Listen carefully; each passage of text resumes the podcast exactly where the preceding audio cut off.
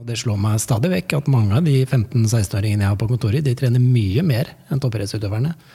Og I tillegg går de på skole, og i tillegg skal de være på sosiale medier, og de skal på fest i helga, mens eh, toppidrettsgjengen ligger på sofaen med beina høyt og har folk som gjør alt annet for dem. Så, så den totalbelastningen som mange barn og unge utsetter seg selv for, kanskje i en sånn misoppfattelse at hvis jeg skal komme i mål, så må jeg være den tøffeste hele tiden, hver dag, det tror jeg kanskje gjør at mange av de driver seg selv litt inn i en del av de smertene. Og det kan vi kanskje ikke forvente at ungdom skal håndtere selv.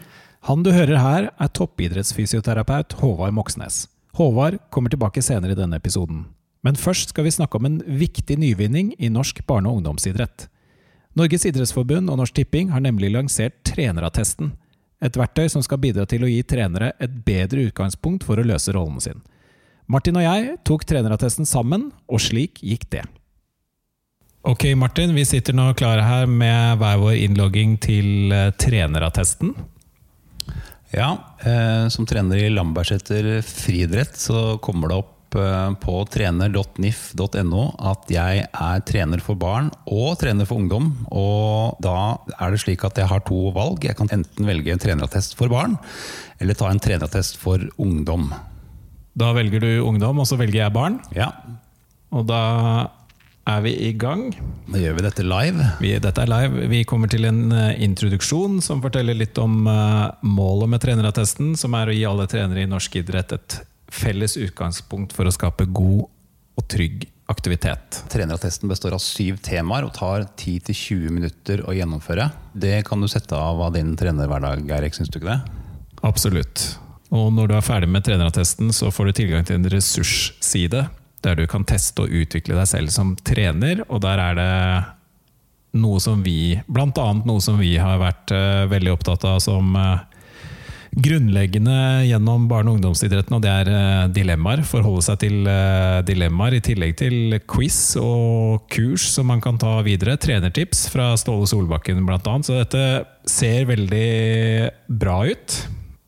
Det jeg tenker når jeg går gjennom denne testen, det er at det er en eh, veldig fin måte å skaffe seg en plattform på. Jeg tenker at Hvis jeg startet som trener, så um, er dette på et akkurat riktig nivå. eh, I forhold til å ikke gå ned i purra og snakke om hva vi skal gjøre på trening, men eh, noen av de verdiene, noen av de refleksjonene man må gjøre på tvers av ulike idrettsgrener, men som handler om det å både forholde seg til barn og skape kvalitet da, i ja. opplevelsene som trener. Jeg liker veldig godt både temaene, og jeg liker også godt strukturen med enkle punkter som gjør at det ikke blir å lese et essay. Det blir veldig lett tilgjengelig, veldig konsentrert. Det handler jo om the basics. Det handler om å skape et, eh, et trygt miljø. Hvordan kan du gjøre det? Jeg tenker at mange, Mye av dette kunne man hatt med som en sjekkliste i planleggingen av uh, hver eneste trening. Da er vi ferdig med å ta trenerattesten. Jeg har gjennomført trenerattest for barn. Martin har gjennomført trenerattest for uh, ungdom. Hva er den umiddelbare responsen etter å ha gjennomført? La oss ta brukervennligheten først. Da, for vi, vi eh, kjenner jo alle på tidspress. Vi kjenner alle på at ok, vi har egentlig ikke tid til å gå på kurs, vi har egentlig ikke tid til å gjøre sånne ting. Men dette var jo forbilledlig kjapt, men likevel nyttig. Jeg syns det var en veldig var veldig gjennomtenkt eh, og ikke minst inspirerende test. Eh, det fikk meg til å reflektere og tenke gjennom et par ting som kanskje litt, har ligget litt sånn brakk, spesielt det siste året etter korona. Hvor, hvordan man skal være med å inkludere, inkludere alle barn, f.eks. Og det inspirerer også til å øke påfyllet av eh, kunnskap. En ting er at dette er en attest som sier at ok, du har faktisk vært igjennom noen viktige punkter, du har reflektert litt og du har uh, testet deg litt. Men jeg syns også det er en veldig god sjekkliste. Som man nesten kunne hatt uh, printa ut og hatt i trenerbagen. Absolutt. Det er en eh, sjekkliste som funker fint i forhold til planlegging. Altså en liten sånn kvalitetssikring av treningshverdagen. Ned på Nesten ned på hver enkelt uh, dag. Så det har jeg faktisk tenkt å gjøre. Jeg har tenkt å ta ut disse punktene og ha de med meg, fordi uh, dette er en reminder når man uh, sitter der og planlegger og tenker øvelser og tenker teknikk og tenker kondisjon og tenker sånne ting. Så er dette med å tenke på gruppesammensetning og ferdighetsnivå og ja økonomi, for den saks skyld. Ja. Veldig nyttig å få den reminderen, som du sier.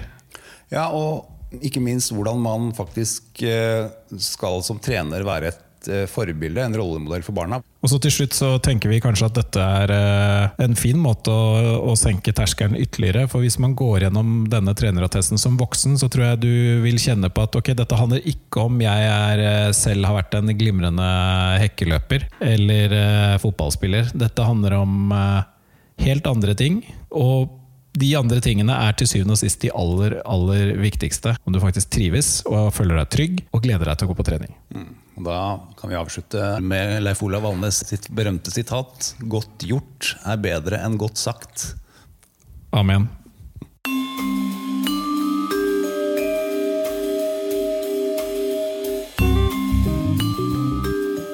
Dagens tema har stått på pappatrenernes agenda lenge.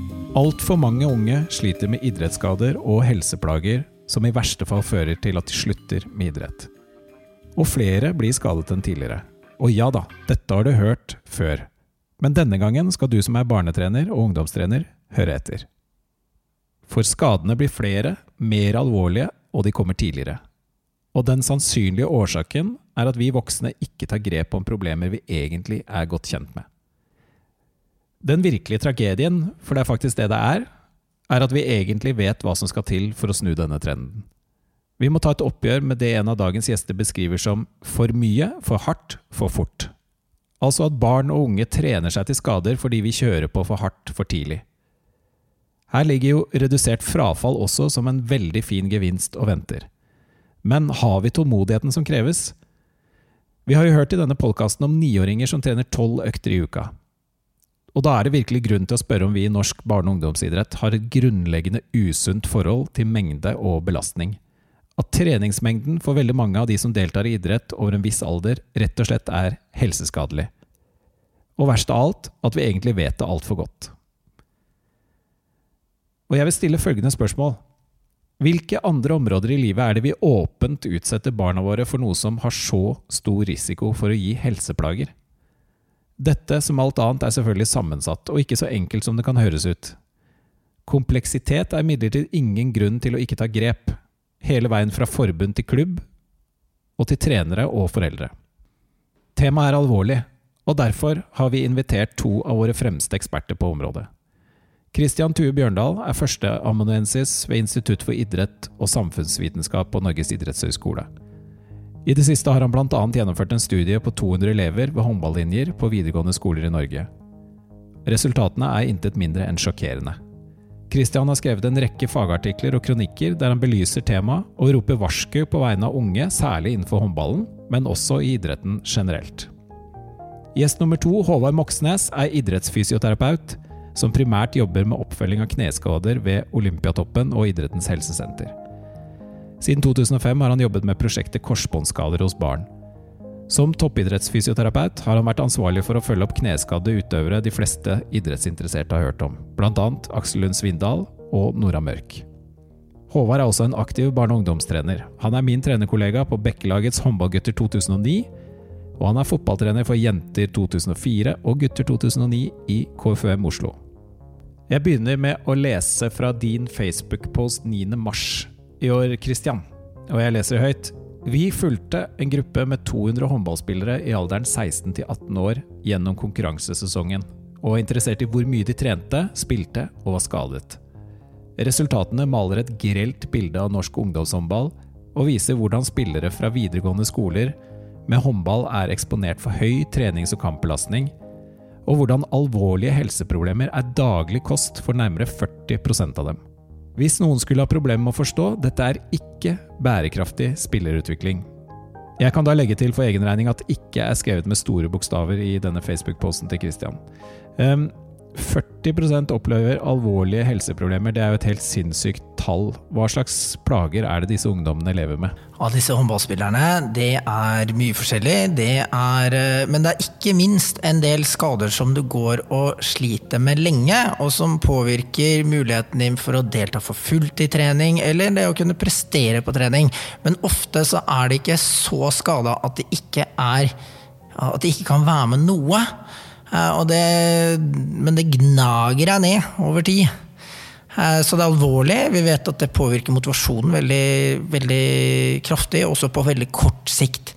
Sånn at når vi fulgte den gjengen med håndballspillere gjennom den sesongen, så, så, ser vi både at problematikken er stor i omfang, men også at vi, vi kan se at den også er alvorlig i, i, i konsekvens. Da, fordi mange av disse her blir lei. Og kommer til å slutte på et eller annet tidspunkt. Kanskje som en konsekvens av at de blei skada og måtte slite med dette her ganske lenge, og ikke fordi de hadde lyst til å holde på med noe annet. Da. Det er et ganske viktig poeng. Kanskje noe av det mest overraskende, overraskende for meg var at uh, umiddelbart så tenkte jeg her har vi sett på hardt satsende ungdommer. Altså de som har bestemt seg for at vi, eh, dette er det jeg skal bli. Jeg skal nå toppen innenfor håndballen. Men så står det også i oppsummeringen at Studien viser ingen vesentlige forskjeller mellom spillere på ulike lag og nivåer. Og da snakker vi om landslag, aldersbestemte landslag kontra å ikke spille på aldersbestemte landslag, og elite versus mer breddeorienterte aldersbestemt. Da.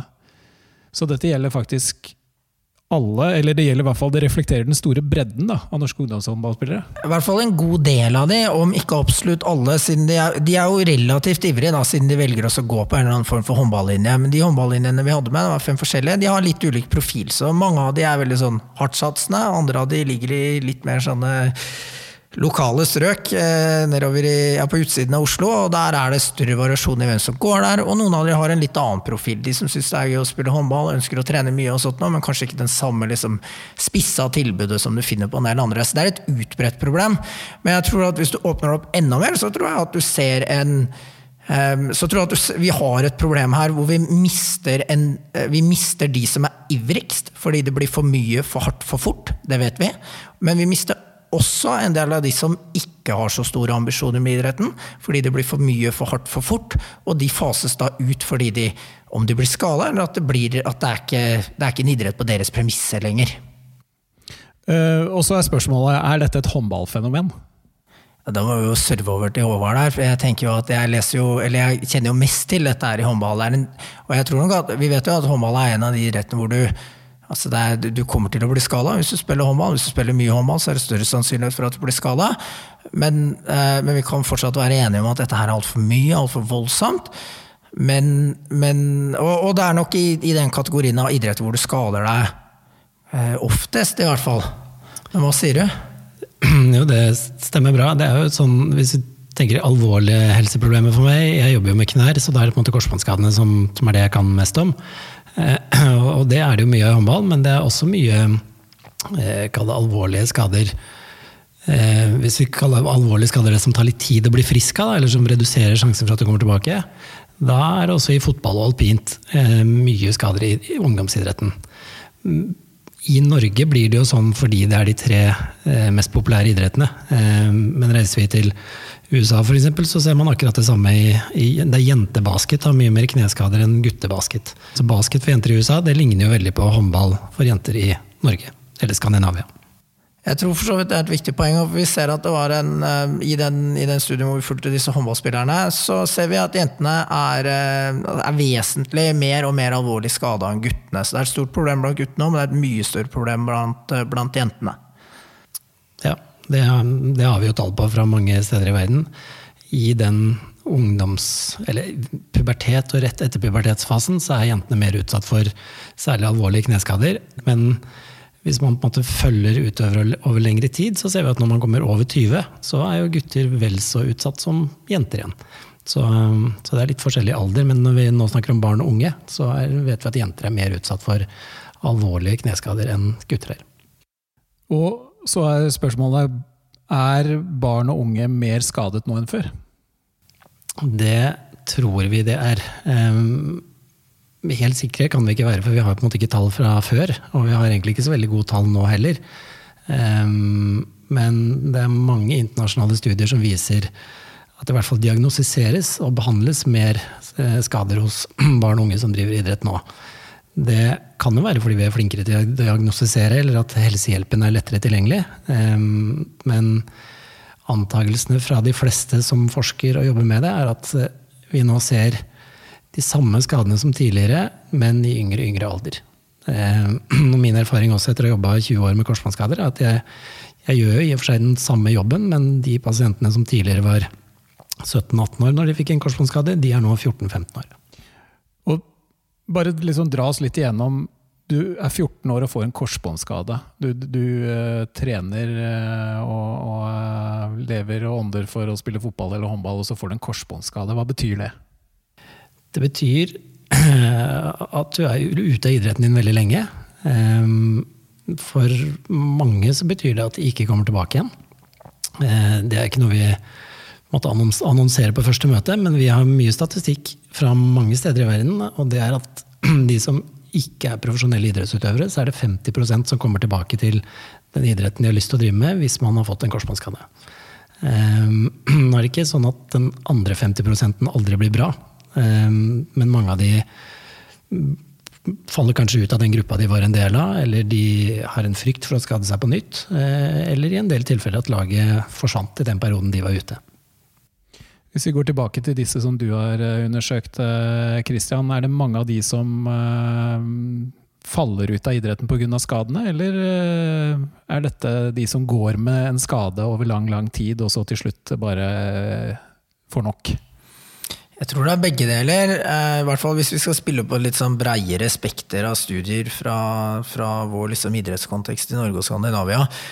Um, jeg tror at Det som er litt sånn underkommunisert, er at noen av disse her blir jo akutt skada. Korsbåndskade er veldig alvorlig. Du kommer mest sannsynlig til å ha problemer seinere, om, om, det går an å komme tilbake eller, eller ikke. Men, eh, men, det som er litt vanskeligere å fange opp, er der hvor liksom disse tingene liksom går over år. Altså, du ser en sånn epidemi av folk som går rundt og har vondt i knærne.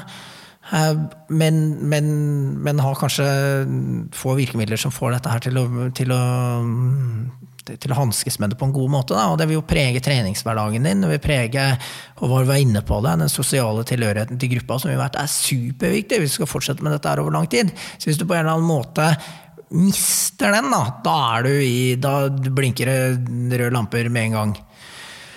Og så slo det meg også at vi vet jo, vi har noen andre gode, eh, breiere studier på liksom idrett generelt i Norge. og Der også så ser vi jo at disse skadetallene er ganske høye. I hvert fall når vi ser på elever som går på toppidrettsgymnas f.eks., så vet vi at en, en, god del av de er til enhver tid skada.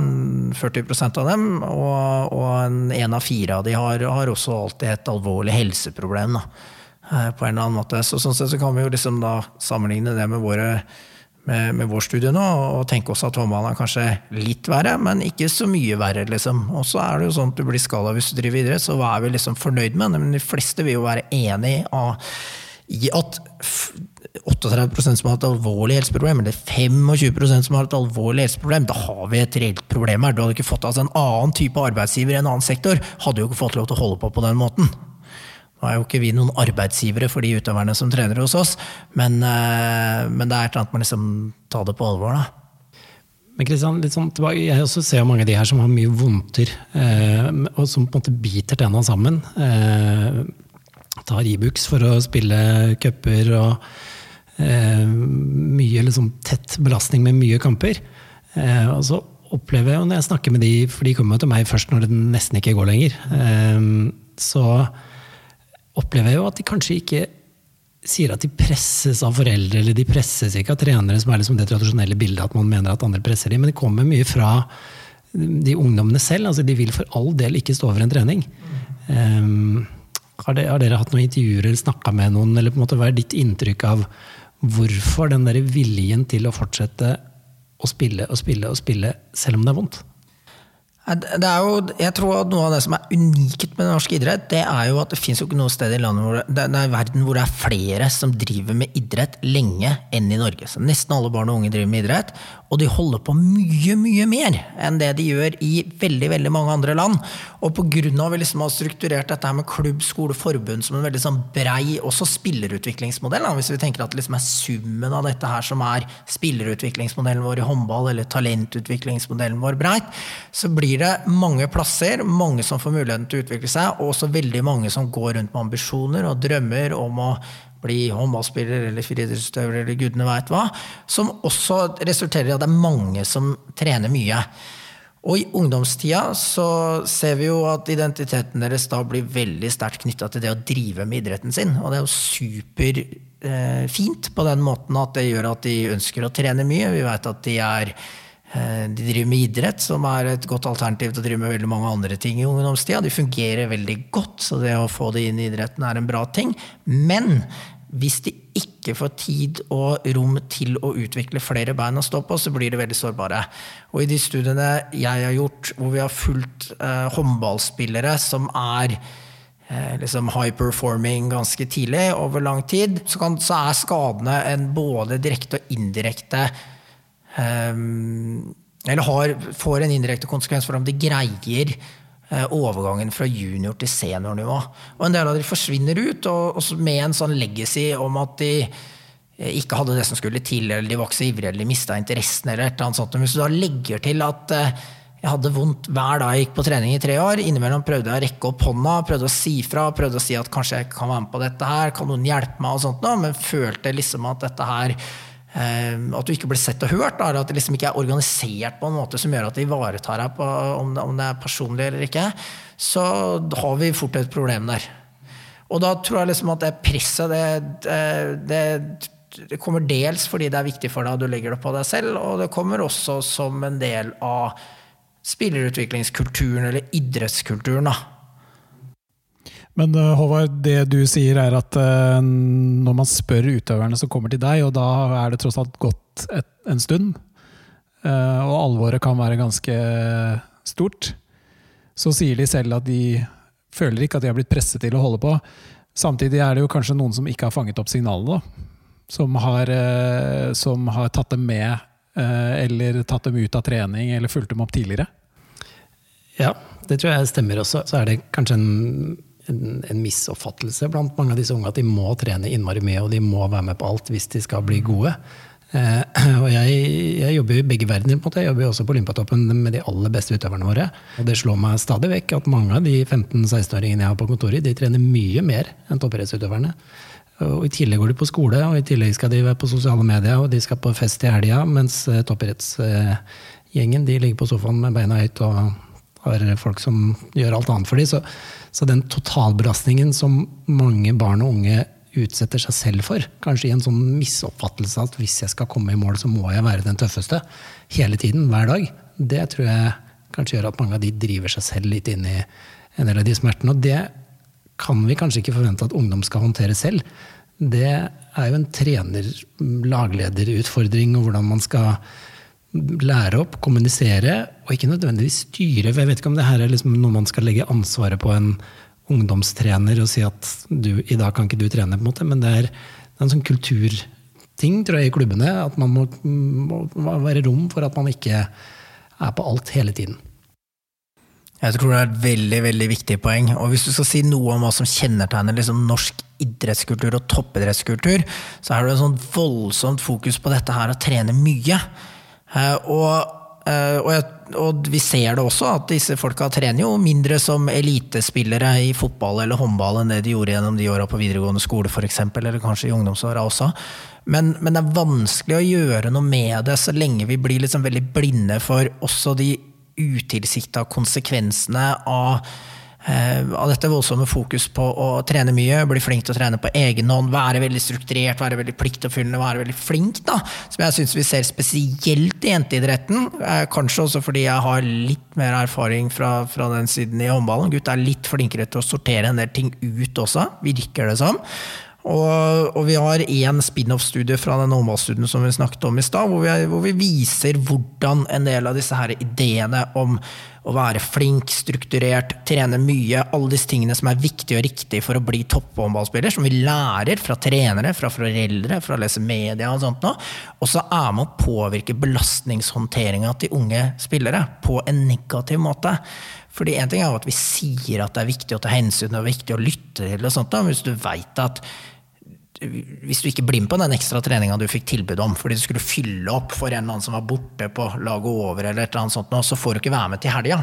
Eller det er ikke sikkert at jeg får kontrakt, for da får hun eller får kontrakt. Eller jeg er redd for å fremstå som veik, som er veldig mye Eller som mange av de, liksom, hvis du nøster litt i det, rapporterer. da da kan du i hvert fall se hvordan en del av de tingene vi er flinke til, også noen ganger liksom tipper over og blir, blir for mye. Da. Og vi kan se det på motivasjon. Kan se på hvordan motivasjon varierer, eller samvarierer, med skader veldig, veldig fort. Og overraskende fort. Altså Hvis du går rundt og har vondt, eller er skada, eller har korsbåndskade, eller er ute fra idretten din helt eller delvis over lang tid, så er det jo naturlig at du mister interessen om å prøve å finne noe annet. og å, å, bruke tida di på. Men, men, det som slår meg, er hvor, hvor, fort vi kan vise at det skjer. Da, at motivasjonen påvirkes av om du får lov til å være med eller ikke. Og hvor mer viktig det er. Hvor, hvor, hvor lettere kan vi tenke oss at den prosessen går raskere og, og får mer dramatiske konsekvenser da, hvis du ikke får lov til å være med.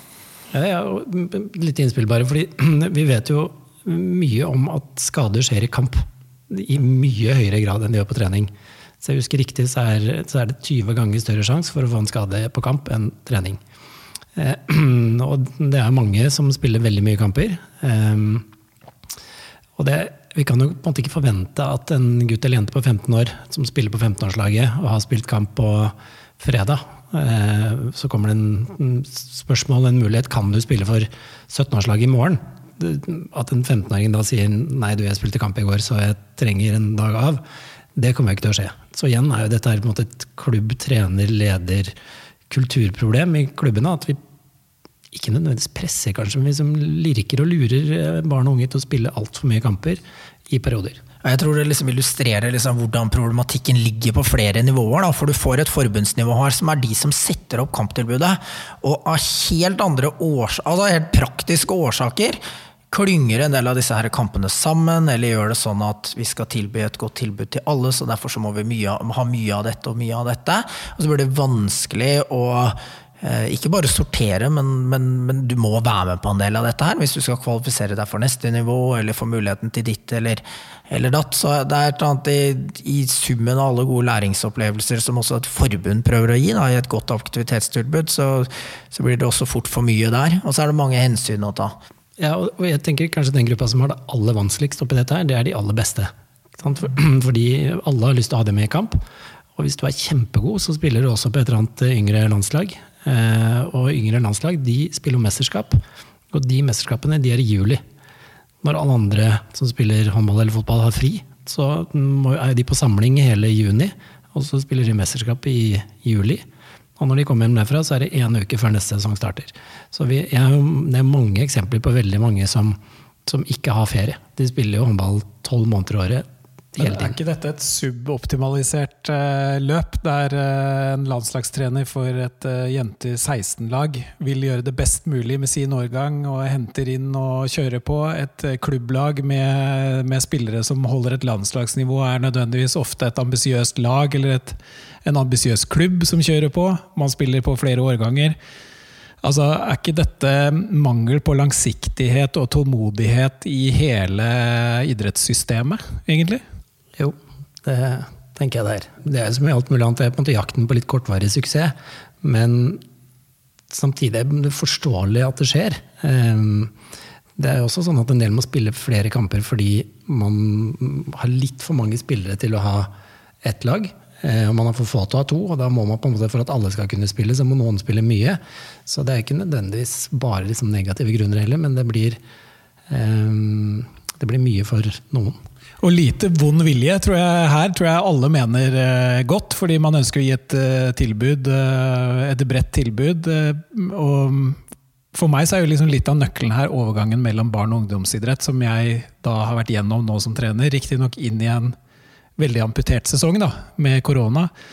Men Jeg satt jo i planleggingen av denne sesongen og, og ble ganske sjokkert over hva et uh, jente i 13 håndballag da skal steppe opp til av aktivitet. For det er en regionserie, det er en temaserie, og for de som ikke vet hva det er, så er det da en uh, ekstra serie hvor man melder på lag og man, man, har fokus på et enkelt tema. Men da spiller man vel også en fire, fem, seks kamper ekstra i løpet av en helg. Og så har du en regionscup, og så skal du i tillegg da plukke ut noen til spillerutviklingstiltak.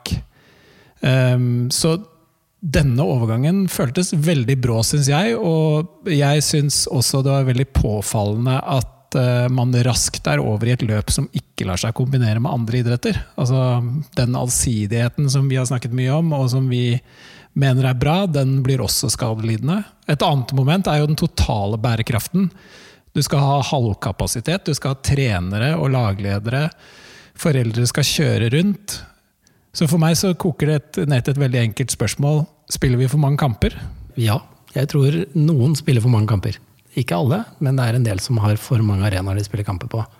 Det, I hvert fall i min verden, der vi, det er skader som gjelder, så vet vi at det å spille mye kamper og ikke trene betydelig mer enn man spiller kamper, det øker risikoen for skader. Så ja, jeg tror mange spiller for mye kamper. Og For å føye til der, så, så, er det mange som spiller for mange kamper. Og så er det en god del som spiller kamper veldig veldig tett, og det er veldig ubalansert. da og som ikke får den pausen mellom sesongene. Og en ting er jo landslagsspillerne, hvor, hvor, hele opplegget er så lite optimalt som det går an. Hvor mesterskap ligger på sommeren, så du får aldri fri. altså Sesongen bare varer og varer og varer, hvis du er så heldig uheldig at du får lov til å være med på hele løpet over fire eller fem år. Eh, men en annen ting er jo, eh, er jo eh, det, det spilltilbud som går gjennom sesongen for, for, absolutt alle andre, hvor man ofte av praktisk hensyn velger å spille kamper veldig veldig tett på samme dag osv. Fordi det logistikkmessig er den beste løsninga. Så ved å ta vekk sånn at for så Skal vi få bukt med det, så må vi ta vekk noe av spilltilbudet. Men i en del av disse idrettene vi snakker om nå, så er jo spilltilbudet så omfattende at det er jo ikke at det er sikkert rom for å, for å, kutte litt. Men det illustrerer veldig godt da, at den eneste strategien vi liksom har da, for å gjøre ting bedre, det er liksom å dytte mer inn i boksen. Og hvis du ser, Vi har gjort dette med en del av disse håndballspillerne, så ser vi jo eh, hvordan de går og legger seg en dag i august. Når de I overgangen eh, fra ungdomsskolen til videregående, de er 15-16 år gamle, så våkner de dagen etterpå. Da starter de på en håndballinje på videregående. Klubben satser litt mer, så de har en ekstratrening der. Kanskje de er med på noen ekstra sonesamlinger eller reg-samlinger eller ditt eller datt. Og så dobler de treningsbelastninga si over natta. Og Det finnes jo ikke en treningslærebok i verden som vil si at det å doble treningsbelastninga si over natta er en fornuftig progresjon. Så det er jo noen ting som absolutt ikke henger på grep, grep her. Og med inntoget av også skoler med idrettstilbud på ungdomsskolen nå, så vil du se at den totale pakka da flytter seg litt. da. Som også kan gjøre at den, en del av de problemene vi opplever i overgangen ungdomsskole-videregående, slår inn enda sterkere, enda tidligere. da. Hvem har ansvaret for totalbelastningen til en 16 eh, år gammel uh, fotballspiller, egentlig? Nei, du, det kan du si. Det er jo i hvert fall ikke 16-åringen. Uh, dette kan vi ikke forvente. Hvis det er en god 16-åring, så er det jo en 16-åring som er på mange forskjellige arenaer med forskjellige trenere. Det kan være skole Det enkleste er kanskje at man er på skole. Man har et klubblag, og man spiller på et kretslag eller regionslag. Da har man tre forskjellige å forholde seg til så har forbundet bedre eh, si struktur nå, der de er flinkere til å følge opp de aller flinkeste. Sånn at de som er de beste, eller som antas å være de beste, i hvert fall, og som er på mange tiltak, de får mer hjelp og støtte nå til å styre hverdagen. Men de nest beste, som gjerne vil opp der, og som på en måte ikke får den ekstrahjelpen fordi de ikke er plukka ut i den gruppa, og jobber hardere, og må jobbe enda litt hardere, de har ingen til å passe på seg. Um, så kan vi si det er foreldre, men 16-åringer og foreldre, det er ikke alltid det er så lett å være foreldre og bestemme hva en 16-åring skal gjøre. Så, så, den gruppa som er der 15-16 år, den overgangen som du snakker om, Kristian, fra ungdomsskole til videregående og dobling av trening, det, det, slår ikke feil. Alle klinikker rundt omkring vet at det renner inn uh, utøvere til oss i oktober, november, desember, for da har de holdt på i et par-tre måneder. Um, nei, jeg har ikke noe svar. Hvem har ansvaret? Nå har vi jo fått en sånn smittestopp-app. Kunne man hatt en tilsvarende på idrett, der liksom du fikk et varsel når du har påmeldt for mange kamper. så fikk man sånn, liksom, Du hadde en sånn samlet idrettsapp som, eh, som tracket all kampaktivitet. Liksom, pling, nå er det for mange kamper. Det er faktisk eh, noe Håndballforbundet har diskutert og, og, prøver å få til. Og i noen av de tiltakene som skulle bli satt i gang denne sesongen her, da, for å prøve å bøte hvert fall litt på dette her. Så får man se om det er progressivt nok. Men, eh, men det var eh, i hvilken grad det er lov da, å la seg gjøre. At du, at du, kunne få lov til å følge med på hvor mange kamper man spilte under sesongen. Og, og da ha en eller annen app-basert løsning som gjør at uh, når det blir over et visst antall, så blinker varselrampene, og, og du får ikke lov til å stille til start. da. Dette henger jo også litt sammen med en annen problemstilling som du har kommentert ganske nylig i forhold til uh, selektering. Uh, hvis du blir selektert tidlig, så innebærer det gjerne hospitering. Uh, I hvert fall i håndballen har man jo hatt veldig kultur for det. At hvis du er fysisk rusta til det, så spiller du gjerne ett år opp. Og da får du jo både mer utvikling og mer, eh, mer belastning enn eh, en de andre. Og så er man på en måte inne i et eller annet løp, og det kan jo skje ganske tidlig. Som bare holder seg. Um, er ikke det liksom litt av problemet? At vi allerede kanskje i 10-11-12-årsalderen uh, blinker ut noen som vi på, mener trenger mer, og så er det mer er kanskje bare mengde, ikke nødvendigvis kvalitet? I hvert fall hvis de tiltakene du da blir valgt ut til, er i tillegg til og ikke i stedet for. Der er jo idrettene litt forskjellige. I enkelte av de individuelle idrettene så er jo det å bli tatt ut på et landslag f.eks. noe som gjør at det blir ditt primære treningsmiljø. Også på ungdomslandslagsnivå, men i de fleste så er det jo i tillegg til. Og i lagidrettene er det alltid eh, i tillegg til. Sånn at, eh, og så kan vi jo stille oss spørsmål da, hvor mye er egentlig nok? Altså det er hvert fall, Vi vet ganske mye om at det er ikke sånn at mer er bedre. Så på et eller annet tidspunkt så stopper du å få noe særlig mergevinst av den organiserte treninga som, som, du er med på. Så er det kanskje å finne ut hvor den liksom sweet spoten er. Da. Men hvis du sammenligner norske, hvis du sammenligner norske fotballspillere med internasjonale fotballspillere og alle land vi liker å konkurrere med, så er det jo ikke sånn at norske fotballspillere trener mindre. De trener heller mer gjennom spesielt ungdomsårene enn fotballspillere i land vi gjerne skulle vært med å konkurrere mot. I håndball akkurat det samme. Vi har eh, drøye godt over 100 000 Eh, håndballspillere i Norge. Så vi er jo en kjempenasjon i antall håndballspillere, og de trener mye mer gjennom ungdomsåra enn, enn, hvis vi hadde sammenligna oss med spanjoler, f.eks. De har 30 000 håndballspillere, og de blir ganske gode til å spille håndball, de òg, men det er ikke på langt nær så mye og så voldsomt som det er, som det er hos oss, da. På godt og vondt. Det andre problemet det er jo at det er umulig å spå hvem det er som kommer til å ha suksess på sikt. Hvem som har et stort, hvor stort idrettspotensial er, og hvem det er som kommer til å lykkes som seniorutøver. Så uansett hva vi velger på, så velger vi basically bare de som er lengst framme i egen utvikling. Sånn at det krystalliserer seg på en annen måte, og det er jo at treffsikkerheten er fryktelig, fryktelig lav. Så i hvilken grad var det da viktig at vi skulle døtte på med så mye i starten. Og så tenker jeg at Det tredje poenget der, som vi ikke har snakka om ennå, det er jo at vi, nå snakker vi jo om mer, vi snakker jo ikke om mer egenorganisert trening eller aktivitet. Vi snakker om mer trenerorganisert aktivitet. Jeg som står og forteller deg hva du skal gjøre, hvordan du skal gjøre det, når du skal gjøre det, og med hvem. Det vi vet, det er jo at um, du lærer på helt andre måter om du går på treninga og hører på meg, eller om du går på Løkka aleine. Du lærer deg nye ting, andre ting, og det vil påvirke en hel del andre, prosess, eh, andre prosesser forskjellig òg. I min verden så er det ikke noe grense på hvor fint og flott det kan være å, å leke mye med ball da, som håndballspiller eller som fotballspiller, eller holde på hvis du er interessert i andre aktiviteter. Om du skater eller om du løper eller hva det er. Men det er den trenerorganiserte aktiviteten. Det er den, det er den som får varsellampene mine til å blinke, da, og det er der jeg tror vi døtter på med mer. Og så argumentet at nei, men de gamer hvis vi ikke drar dem inn i hallen, eller de altså da, Men da tenker jeg at det er annet med å erstatte epler med pærer, og så er vi dønn avhengig av å gjøre idrettstilbudet vårt mer attraktivt. Eller prøve å stimulere til mer egenorganisert på en eller annen måte. Men hvis du ikke har noe tid i kalenderen, da får vi i hvert fall aldri mer løkkeaktivitet. Jeg, tror, jeg er helt enig i det. og så tror jeg samtidig vi skal måte ikke demonisere det å trene mye. fordi jeg tror veldig mange barn og unge tåler å trene mye.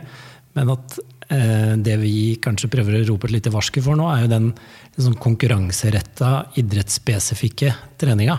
Fordi om, hvis eh, håndballspillere spiller basket, eh, så trener det opp på en måte håndballrelevante ferdigheter.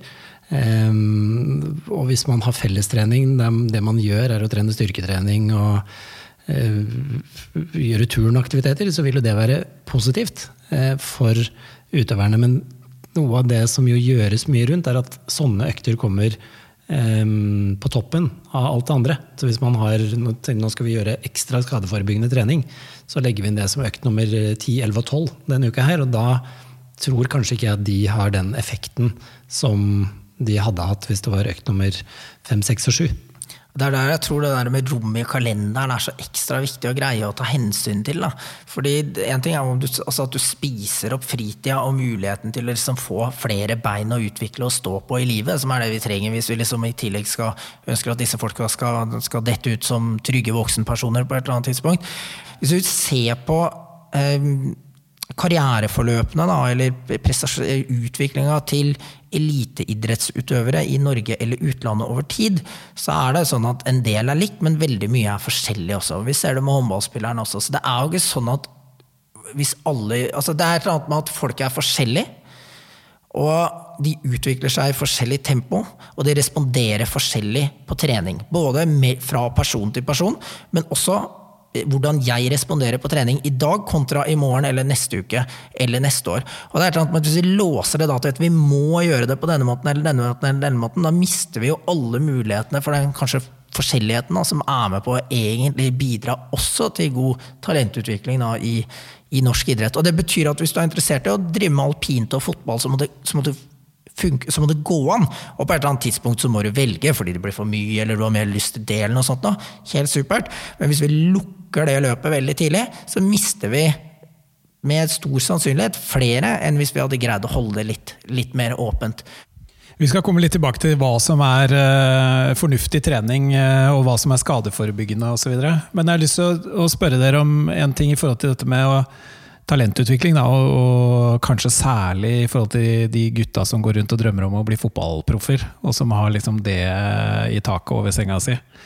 Ehm, hvor viktig kommer det å være skadefri til å være for dem? Altså for de som ønsker å satse, så virker det på meg som at det å faktisk holde seg skadefri nå er mye, mye viktigere som en del av totalen enn det man kanskje tror, eller har trodd.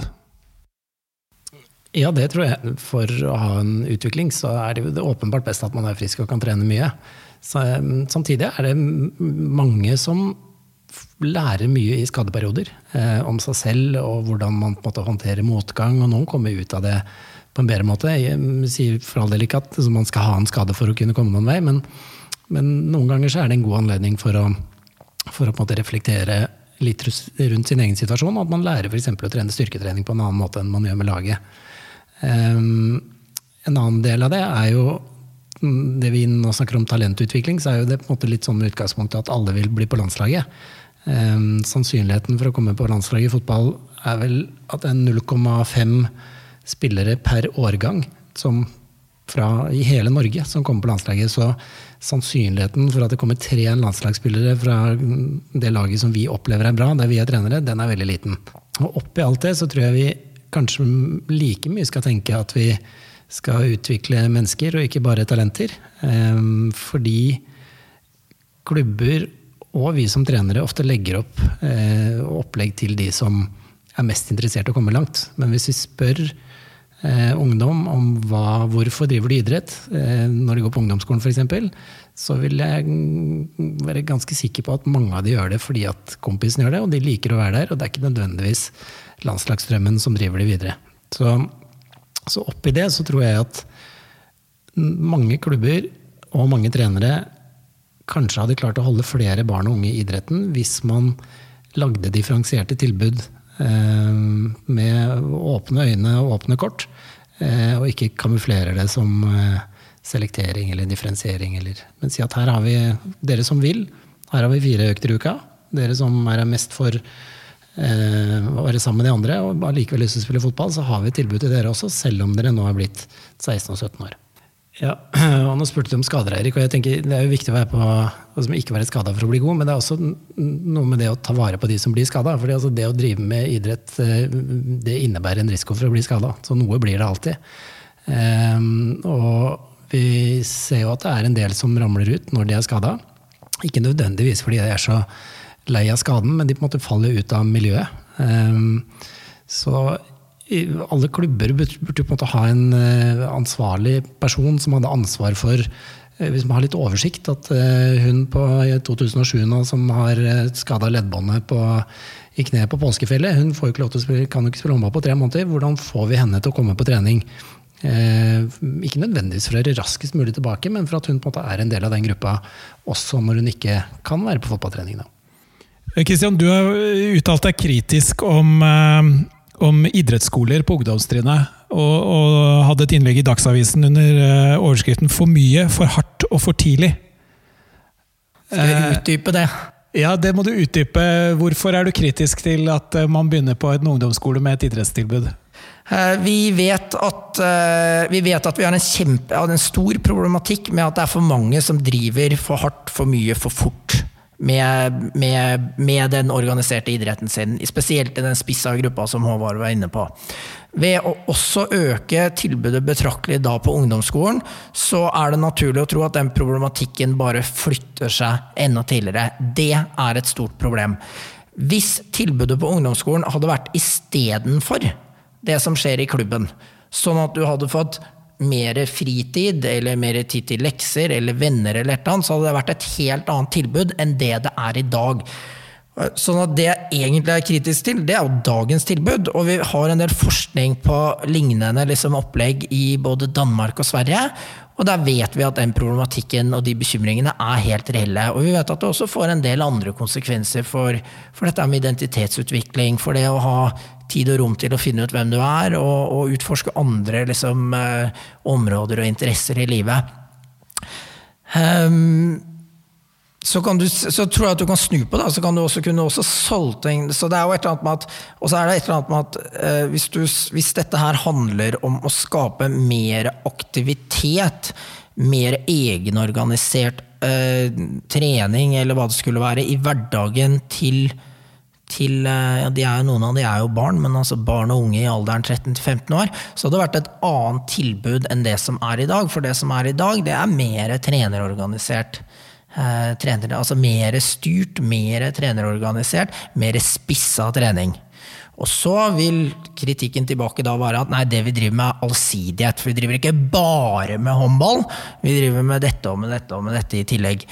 Eh, og da er det fortsatt sånn at den håndballen du dytter på, eller fotballen eller den særidrettstreninga, den kan være nok i seg sjøl, gitt at disse folka får lov til å få et eh, enda bredere tilbud i klubb og forbund. Eh, og samtidig så er det også sånn at det er jo ikke, det er jo ikke Altså Vi kan snakke om verdien, vi kan snakke om mange positive sider ved det å få lov til å utforske ulike idretter og drive allsidig lenge. Kanskje lenger enn det vi får til i dag, i hvert fall med norske fotballspillere som ikke får lov til å drive med så mye så veldig lenge. Men det er jo ikke sånn at du blir mindre altså Er det for mye, så er det for mye. Trenerorganisert er trenerorganisert aktivitet, trenerstyrt aktivitet er trenerstyrt aktivitet. Det er fortsatt ikke det samme som løkkeaktivitet. Så jeg tror at det er et eller annet med å se kritisk på innholdet her, og, og min irritasjon er jo da at vi ikke har en Dette får jo ikke noe plass i den offentlige debatten. Jeg tror det finnes gode grunner til at du kan forsvare et sånt tilbud, men det må være på andre premisser enn det er i dag. Og da må jeg jo legge til det at de sakene vi har sett i Bergensavisen i, siste, i, i det siste, hvor et begrensa antall plasser for å løse det, så tester vi 12-13-åringer på fysiske ferdigheter.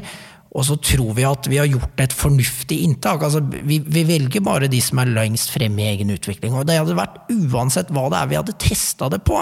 Nå er det jo ingen her fra Vang eller NTG Nei. eller noen andre som kan forsvare seg, men vi har jo hatt Øyvind Eide fra NTG her eh, flere ganger. og jeg Jeg vil jo si i hans fravær at eh, han eh, har vært veldig tydelig på dette med både allsidighet og, og ensidig belastning og ivareta det. Og kan jo hende at Nå skal jeg litt, spille litt motparten her. Det kan jo hende at de som går på en ungdomsskole, blir fulgt bedre opp f.eks. For i forhold til skader? Det kan være, og jeg er eh, mye mer åpen for at det å ha ungdomsskoler med idrett som tema, da, hvis vi kan si det sånn, kan være veldig positivt. Det krever veldig mye av de skolene for å kunne tilrettelegge, akkurat som du sier, Kristian, at det ikke er i tillegg til, men istedenfor.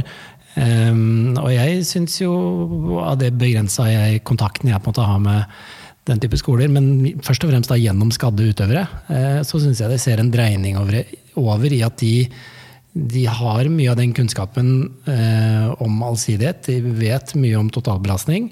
Uh, og jeg syns mange av de på en måte viser at det går an å gjøre begge deler. Ehm, jeg tror også for veldig mange barn så er den eh, utviklingen som er i skoleverket, en utfordring. Det er ikke så lett å være gutt 13 eh, år med sommerfugler i hele kroppen og skulle følge på en måte vanlige eh, ungdomsskoledager. Så for de tror jeg det å ha et utvida tilbud med fysisk aktivitet, som da forhåpentligvis ikke er for spissa i forhold til den idretten de driver med ellers, kan være veldig nyttig også for skoleutviklingen av kanskje da, tenker jeg, faktisk særlig gutter, som henger litt tilbake jentene i, i mange deler av utviklingsfasene. Det hadde vært et veldig godt salgsargument, jeg er helt enig, for, eh, for eh, ungdomsskoler med idrettstilbud. Eh, så det jeg opplever, er jo at hensikten er bedre talentutvikling. Det er der jeg er skeptisk. Og, og hadde det vært snakk om et, et, et tilbud for å, for å skape mer fysisk aktivitet, mer idrettsglede, på litt andre premisser, så tror jeg helt klart at det hadde vært et tilbud som vi burde rulle ut i mye større omfang enn det som har blitt gjort nå. Så det burde absolutt vært inkludert mye mer i den vanlige ungdomsskolen enn eh, det er i dag, der det knapt er fysisk aktivitet.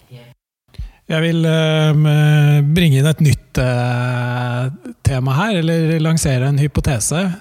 Og det er at eh, det er fryktelig vanskelig å gjøre strukturelle endringer i, eh, i norsk idrett. Ikke minst fordi vi er så mye tufta på frivillighet. Foreldretrenere og frivillige utgjør ryggraden i idrettstilbudet. Og det er liksom begrensa hvor mye vi kan kreve av kompetanse og energi og fokus eh, inn i å gjøre ting annerledes. Det blir jo ofte til at man gjør ting sånn som det alltid har vært gjort. At vi er litt fastgrodd. Jeg har lyst til å bringe fram et eksempel som du kjenner, Christian. Eh, av din eh, kollega Hege eh, Elisabeth Landgraf. Hun gjorde noen forskning som viste at i utholdenhetsidretter så er det altså like effektivt å f.eks. trene med ball som å løpe intervall. Og jeg er ganske sikker på at det var kollektiv rynking på nesa i Idretts-Norge over eh, at man skal slutte å løpe intervaller for å få bedre kondis. Og at det absolutt er en del av det, og det er noe man må tåle osv. Mens eh, mitt hjerte jubler, for jeg tenker jo at eh, alt man kan pakke inn i lek, er bra. Og det øker motivasjonen, og det, som det står også i den artikkelen som jeg eh, da henviser til her, så, så, så, kan jo dette også handle om å redusere frafall. Fordi vi rett og slett kan trene på noe som er morsommere enn å løpe intervall. Og det er jo det meste, spør du meg. Jeg tror det er et veldig godt poeng. Jeg tror at en del av den skylda da, for at det har blitt som det har blitt uh, i, i, norsk idrettskultur, har, en, har vi som idrettsforskere. For vi forsker jo, Skal du forske på effekten av kondisjonstrening, så er det naturlig å starte med løping eller et eller annet som er langt fra idretten. Og vi vet jo veldig mye om dette her. Eh, altså Vi vet veldig mye om at ferdighetsutvikling er på ene siden veldig spesifikt. Så Hvis du skal bli god til å spille fotball, eller hvis du skal bli god til å løpe, så må du løpe mye, eller du må spille mye fotball. Det betyr at når du går på treninga, hva kan du gjøre da? Du trenger ikke å gå gjennom et sånt hav av øvelser som ikke er morsomme før du får lov til å spille. Du kan starte i spillet. Men for all del så kan vi jo snu på det og så kan vi si at hvis du syns det er gøy å løpe i skauen istedenfor bare på banen, fordi det gir noe annet, et annet miljø, andre folk, andre premisser Helt supert, det funker det også. Og igjen så er det at man løsner opp i den derre må gjøre ditt, må gjøre datt. Det du ikke må gjøre, Altså På et eller annet tidspunkt så må du gjøre det òg. Men det du ikke må gjøre, det er en haug med ting som ikke er morsomt. For da kommer du til å slutte. Du kommer til å miste interessen, og du kommer til å slutte. Og det vi trenger, det er at folk eh, syns det er så gøy at de holder på ganske mye over ganske lang tid. Også når de slutter å konkurrere, eller, eh, og, og forhåpentligvis er det seint i seg sjøl, liksom. Så er det gøy, og, og, folk syns ulike ting er gøy, så har du en gruppe som syns dette er morsomt, kjøp, og det er ikke så farlig. Jeg tror Det er viktig å ta med seg da, i all den vitenskapeliggjøringa som også jeg og mine kollegaer er, er liksom med på, på fronter. Da. Men eh, nå vet vi jo dette her. Dette er jo kunnskap som eh, kommer på toppen av Jean Coté, som har bevist at, eh, at du kan leke og, og tilegne deg ferdigheter, og særlig da i yngre i yngre år så er det 'they'll figure it out', som man sier. Ikke, du trenger ikke stå der og instruere på hvordan de skal kaste eller sparke. De finner ut av det. Bare sørg for at det er gøy, så tennes eh, gnisten. Men denne kunnskapen har vi, men det sier vi jo ikke ut, for vi gjør jo ting veldig tradisjonelt. og Både du og jeg går jo på trening Håvard, og kjører øvelser. Vi gjør jo det. Det gjør vi, og det vi burde vite mer om, er på en måte hva slags type spill utvikler forskjellige typer fysiologiske kvaliteter. hvis vi er ute etter det. Så hvis man tenker at i dag skal vi ha håndballtrening, eh, men vi ønsker på en måte å ha en kondisjonskomponent i det, så hadde jo vært fint for oss om vi et sted på veien hadde lært at det å spille fire mot fire eh, gir mer løping enn å spille seks mot seks eller syv mot syv. Eh, mens kanskje tre mot tre ikke er så bra igjen. Så det på en måte å ha mer kunnskap om hvordan vi kan bruke spillet til å trene forskjellige fysiologiske kvaliteter, der tror jeg mange trenere har mye å hente. Vi, avslutningsvis så, så skal vi ta et stort spørsmål på kort tid. Skadeforebyggende trening. La oss begynne med begynnelsen. da. Når må vi begynne å trene spesifikt skadeforebyggende i la oss ta håndball og fotball, da, f.eks.? Det er ikke sikkert vi trenger å begynne veldig tidlig. Ehm, men vi vet at i idrettene som er mye utsatt for skader, så fungerer det å gjøre ehm, skadeforebyggende trening. Ehm, så er mye av den kunnskapen vi har, er bundet opp i forskningsprosjekter der det på en måte er ett spesifikt program som er gjennomført på x antall spillere, og så sammenligner man med eh, like mange spillere som ikke har gjort programmet. Og da er det på en måte gjennomgående at uh, unge spillere som driver med skadeforebyggende treningsøvelser, de blir halvparten så mye skada som de som ikke gjør det. Så vi vet jo at det er et potensial der for å forebygge skader. Um, samtidig er det nok kanskje det minst um, lystbetonte ordet man kan si til en uh, ung idrettsutøver, at nå skal vi gjøre skadeforebyggende trening. Ehm, så det kan jo være lurt at vi kanskje kaller det prestasjonsfremmende trening eller bare trening. Dette er en del av treninga vi gjør i håndballklubben vår. Så gjør vi styrkeøvelser, vi gjør balansetrening. Ehm, og vi har på en måte fokus på gode finter som er effektive for å komme forbi motspillere. Så hvis vi gjør det fra en tidlig alder, der unge spillere vet at det å jobbe med prestasjonsfremmende øvelser, som i tillegg er skadeforebyggende, så tror jeg vi kan redusere mye. Eller jeg vet jo at vi kan redusere mye. Utfordringen som viser seg fra veldig mange av de prosjektene som er gjort, er jo å få spillere og trenere til å gjennomføre den type trening eh, dag etter dag, uke etter uke. Eh, også når prosjektet er ferdig fullført.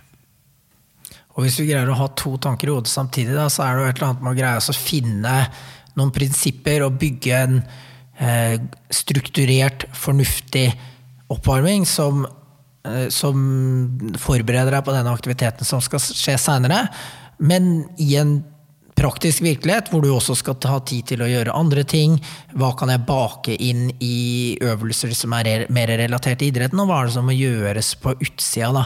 Men jeg tenkte over et spørsmål til deg der. I, i min sånn praktiske virkelighet nå, så tenker jeg at Eh, jeg, at jeg er opptatt av å få en litt mer sånn eh, Gjerne prinsipiell, men fast struktur på dette her på ungdomstrinnet. Altså jeg tenker 13 år. Og da tenker jeg fordi jeg opplever at eh, jeg opplever egentlig at min begrensa erfaring med barn i den alderen, det er at jeg vil ikke dytte på noe som de ikke er modne nok til. Det tar litt tid før du, ser, før du kan gjøre noe for å få en forhåpentligvis positiv effekt av det på ganske lang sikt, men den modenheten kommer på et eller annet tidspunkt. Så min idé rundt trening av barn der ville jo vært at jeg er mer avhengig av å bake det inn i, i, i, den leken eller de øvelsene eller det vi gjør på trening, uten å liksom få denne her indoktrinerte rekke på rekke, rep på rep, sett på sett-greia. Tenker du at jeg er far off the grid der, eller? Nei, Jeg tror I en ideell verden ville det vært veldig fint, eh, men det krever på en måte at man har um, godt skolerte trenere på alle nivåer. Uh, og i norsk idrett er det jo uh, ikke veldig mye av det ned i barne, uh, barneidretten. I ungdomsidretten er det jo økende. Så jeg tror at det man skal gjøre mest i barneidretten, er på en måte å introdusere eh, begreper eller øvelser, eh, eller en kultur, på at måtte man jobbe med øvelser som er hensiktsmessige for å prestere bra i idretten, eh, men som også har en positiv effekt i forhold til skader. Så jeg tror Hvis man begynner tidlig med liksom kulturbyggingen, at dette er noe vi gjør i vår klubb, og tidlig når man har ikke utdanna trenere, så må man kanskje bruke et etablert opplegg som man finner eh, fra idrettshøyskolen eller andre steder, der man kan få et ferdig opplegg som man kan kjøre.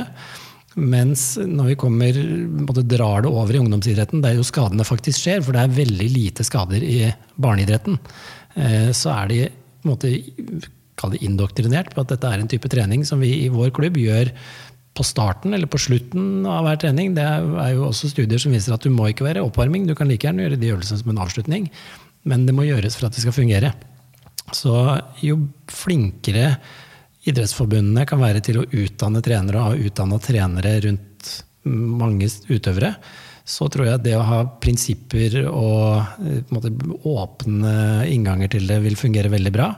Mens hos de yngre så tror jeg vi må ha per nå i hvert fall litt mer lukka systemer som kan hentes fra nettet og brukes i morgen. Jeg følger den også, tenker jeg da, at Er det da en utfordring at veldig mye av den forskninga vi har på dette feltet, er liksom fokusert på enkeltskader? Så når vi lager disse programmene, så er vi veldig opptatt av å, um, å forebygge skuddskader, f.eks. fra håndball, eller kneskader. I fotball eller håndball, og programmet vårt blir da overfokusert på dette. Så det jeg trenger hvis jeg skal få den smørbrødlista for deg, det er jo et helhetlig program som passer med resten av treninga. Det må ikke være for lite, så det ikke har noen effekt. Det må ikke være for mye, så det tar for lang tid. Og kanskje jeg ikke greier å sortere selv hvordan jeg skal sette det, sette det sammen der, da. Ja, det er helt riktig. Hvis man skal liksom være forskningsbasert trener, og så skal man ha et program for skulderforebygging, og et for kneforebygging, et for ankelskader Det blir veldig lite tid å Da blir det veldig lite trening. Så det må man på en måte kunne sy litt sammen. Eh, og så tror jeg oppi det så er det samtidig viktig å huske at det er ikke bare å gjøre de øvelsene, og så er jobben gjort. Eh, vi var tidligere i dag inne på liksom antall kamper man spiller. Eh, hvor mange kast en håndballspiller gjør på en trening eller i løpet av en uke. Det vil påvirke kanskje risikoen for å få en skulderplage like mye som om man gjør øvelsen eller ikke. Så det er jo et, en sammensatt problemstilling, dette her med skader. Jeg tror du, Tilbake til dette med spesifisitet versus allsidighet. Altså hvis, vi, hvis vi vet at den treninga som er veldig spesifikk, det er den som på en eller annen, eller er mest effektiv for å utvikle håndballferdigheter eller fotballferdigheter eller eller ferdigheter i den idretten du driver med, i konkurransesituasjon, så er det også den treninga du tåler litt av. altså De kastene du snakker om, antall kast vil gå opp, og intensiteten på det vil også gå opp, fordi det vil ligne mer på konkurransesituasjon. Det er jo den treninga du tåler litt av, og da vil jo også det å Altså, vi vet at strukturert styrketrening, strukturert oppvarming, en, kan ha en veldig stor effekt på å redusere skaderisiko. Samtidig så er det et eller annet med at det hjelper ikke hvis det er eh, for mye eller for hardt eller for fort. Og den, viktige, den virkelige viktige treninga vi gjør, det er kanskje den vi tåler aller minst fra. Jeg vet ikke hva sluttpoenget mitt var, her, men det er et eller annet med å ha flere tanker i hodet samtidig. her. Da. Ofte så blir man liksom opptatt av det ene eller det andre, men det er begge deler eller alle tingene på en gang. Da. Som er den helheten som vi egentlig er opptatt av. Da. Hvis vi har et program for hver kroppsdel, så lærer vi ingenting, men vi er heller ikke skada. Det er riktig. Det er ikke så gøy heller. vi lærer. Nei. hvor, hvor lenge har vi holdt på nå?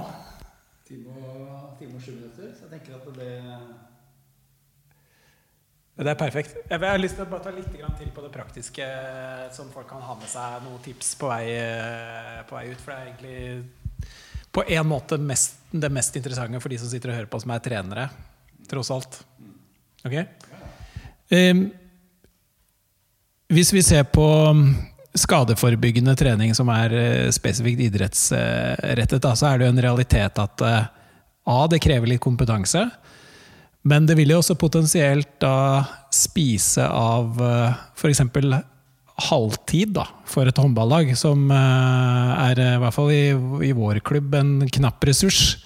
Så vi har sånn halvtid er balltid, er vårt motto. Så lenge vi har mulighet til å trene i hallen, så prøver vi å trene med, med ball. og jeg merker at jeg blir forferdelig utålmodig når vi begynner med dynamisk oppvarming og skadeforebyggende, fordi jeg føler at den knappe ressursen på en måte renner ut på noe som vi kunne strengt tatt ha gjort utenfor hallen. Da.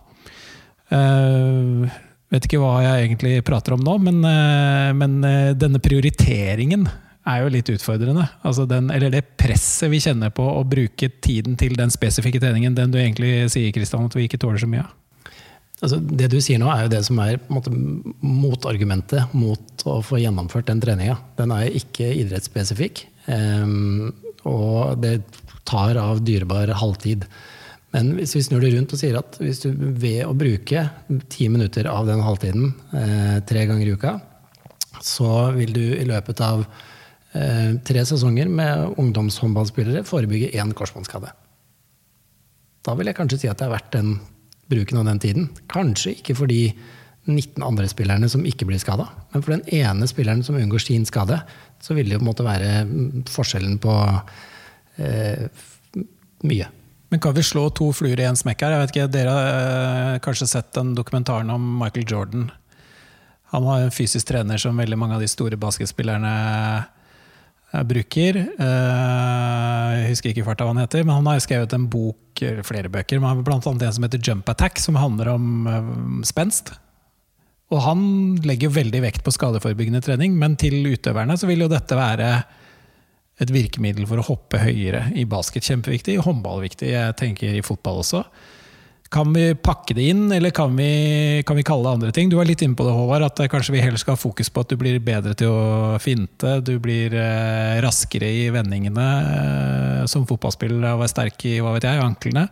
Men er, det, er innsalget kanskje noe vi må jobbe litt med?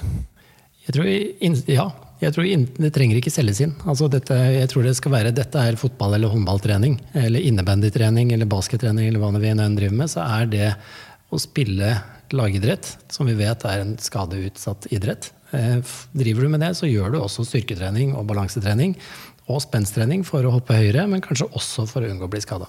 Jeg mener at det er, bør være en del av kulturen i de idrettene, at dette må vi gjøre, fordi det er viktig å unngå de relativt sjeldne, men alvorlige skadene. Hva skal vi si til en 13 eh, år gammel håndballspiller som eh, elsker å spille håndball, og som nå må på sidelinja i seks måneder for å trene seg opp etter en, eh, en kneskade. Eh, hvordan skal vi motivere de for å, for å stå i det, og hvordan skal vi hjelpe dem tilbake? Oi, det var et vanskelig spørsmål. Uh, nei, det, jeg tror vi skal prøve å dra det inn i hallen så mye som mulig. Og så ha forståelse for at for mange av så vil det være veldig viktig å få lov til å være med i det som er aktiviteter, så langt det lar seg gjøre. liksom. Få lov til å gjennomføre den treninga du skal ha fått beskjed av Håvard om at du skal gjøre for å komme tilbake i hallen med de andre. Passe på at du liksom er en del av det sosiale miljøet. Men også ha litt forståelse for at de også kanskje trenger litt avstand, fordi det er, noe, det er kjipt å se på de andre få lov til å holde på det du det du har lyst til. Jeg tror at Som 13-åring så er det enda lettere å dra dem inn i hallen hele tiden, men som 16-17-18-åring så kan det være litt, litt, litt, større variasjon der. og Ta godt vare på dem, og, og, og pass på at de får lov til å få tid, og ikke et ekstra stress på å, på å komme tilbake raskt. fordi det uttaket gjøres da, eller da bestemmes det om jeg skal være med i den gruppa eller den gruppa. eller et eller annet. Det er et eller annet med å prøve å ta ting stille og rolig. Og så har jeg bare lyst til å føye til det du sa, Håvard. Du nevnte dette med kultur. Det er jo interessant at du sitter og diskuterer dette her, for i veldig mange av de individuelle idrettene, f.eks så er det jo helt naturlig at du går på trening og varmer opp på en fornuftig måte før du begynner å turne eller løpe sprinter eller gudene veit hva det skulle være. Så dette er jo et lagidrettsproblem, tenker jeg. Det der at det å gjøre noe annet er sitter så langt inne. Min praktiske erfaring av det, hvor jeg liksom mener at norsk håndball har tatt kvantesprang på ti år. fordi nå ser jeg ikke veldig mange miljøer hvor det er akseptert å ikke gjøre en eller annen form for i hvert fall relativt fornuftig strukturert oppvarming som bærer med seg en del av disse elementene, det er jo at nå er dette en liksom vanlig del av hvordan du varmer opp til håndballtrening. Men det var det ikke for ti år siden. Altså, jeg har stått med et damelag i førstedivisjon hvor man liksom dra dem gjennom noen eh, noen, 15 minutter med, med, det som eh, nå heter dynamisk oppvarming, som ingen visste hva var eh, i, i, 2010, da, for eksempel. Liksom. Eller i hvert fall ikke der hvor jeg var. Så at vi, vi, lærer så lenge vi lever, så det er jo lov å håpe at disse tingene faller på, faller på plass etter hvert. liksom. Men eh, tilbake til eh, å plukke opp signalene. Uh, kommer ungdommer for sent til deg?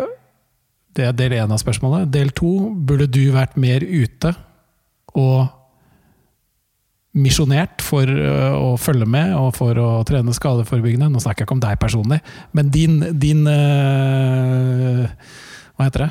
Yrkesgruppe? Ja, det med å plukke opp signaler er Noen plukker opp signalene altfor tidlig. Altså, og så kommer med ting som er, eh, man er redd for at det er noe, og så er det kanskje bare at man er støl i låra etter en eh, spensttrening. Så, så, jeg tror nok det i noen miljøer er um, litt for mye innstilling at en, en del av det å bli en god idrettsutøver er å ha det vondt hver dag. Det tror jeg ikke er bærekraftig, det heller, Kristian. Um, men så vil jeg jo si at det gjøres en veldig stor jobb med å få formidla det budskapet om at skadeforebygging fungerer, og praktiske måter å gjøre det på. Ehm, så den gruppa på Idrettshøgskolen som jobber med skadefri.no, eh, har jo gjort en enorm jobb med å gjøre, altså tilgjengeliggjøre materiale og øvelser. Eh, og er jo en foregangsinstitusjon i verden på akkurat det. Så mye av den informasjonen som trengs for å kunne gjøre det på en fornuftig måte, er lett tilgjengelig. Eh, og jeg vet at de jobber mye med eh, synliggjøring og markedsføring av den kunnskapen nå. Men kanskje skoen trykker der akkurat over. fordi det at, på en måte at det, Tilbake til det poenget ditt i stad. at det å Uh, akkurat f.eks. Skadefri, da, som er en kjemperessurs som, som barne- og ungdomstrener spesielt. At, uh, at, jeg kan trenge litt sorteringshjelp for, for å ta det ned på, på, på, hva jeg skal gjøre og hva jeg ikke skal gjøre. Sånn at neste fasen der vil være å, å kanskje lande det ned i ikke én handout som er den oppvarminga, men i to eller tre eller fire eller fem eller seks eller sju eller åtte eller ni eller ti, sånn at vi kan ha en eller annen sånn hensiktsmessig variasjon, men at det ikke sklir ut. Men at det er stramt nok til at, vi, til at jeg som uh, trener for Bekkelaget G14 kan hente denne uten å ha all den kompetansen som en idrettsmedisiner har, f.eks. Ja, og den, den, praktiske overføringsverdien den jobber de mye med. og For nå litt over ett år siden så ble det på en måte lansert et nytt prosjekt på Skadefri, der de eh, måtte utdanne skadefri-ambassadører som i all hovedsak er fysioterapeuter, eh, som er tilknytta idrettslag rundt i landet.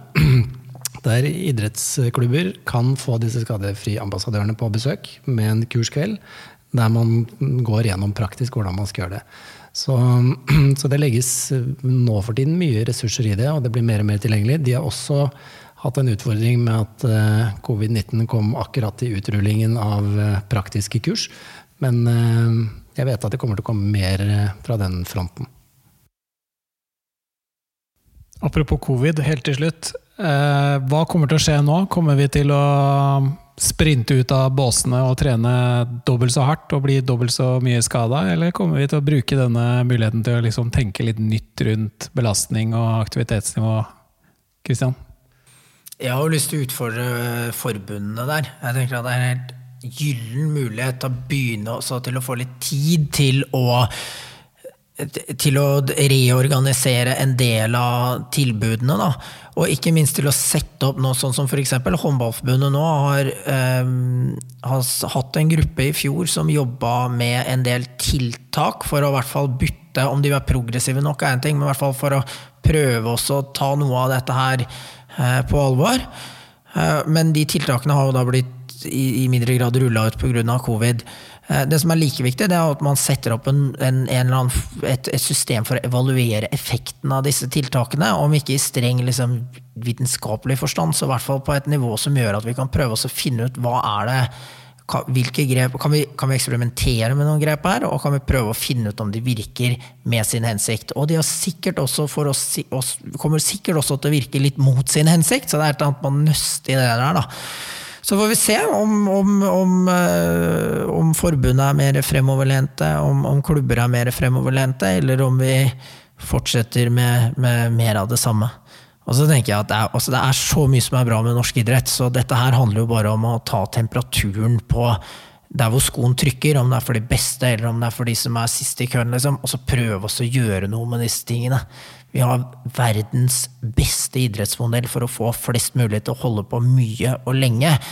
Men, eh, men skal, vi, skal vi greie å ivareta, skal vi greie å holde den bærekraftig eh, inn i framtida, så er vi kanskje avhengig av å ta en del av den problematikken her på alvor. Og det handler om hvorfor folk slutter, eller hvorfor folk ikke fortsetter. Så vi koker det ned til det, da.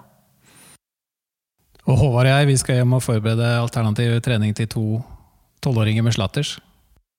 Det må vi, og da må vi legge det opp sånn at de faktisk kan komme på treninga, og at de er en del av økta, tenker jeg. De, det er ikke noe poeng at de kommer der og henger over krykkene sine og ser de andre har det gøy. Så det blir vår utfordring. Vi må lage en økt som de kan være med på. Tusen takk.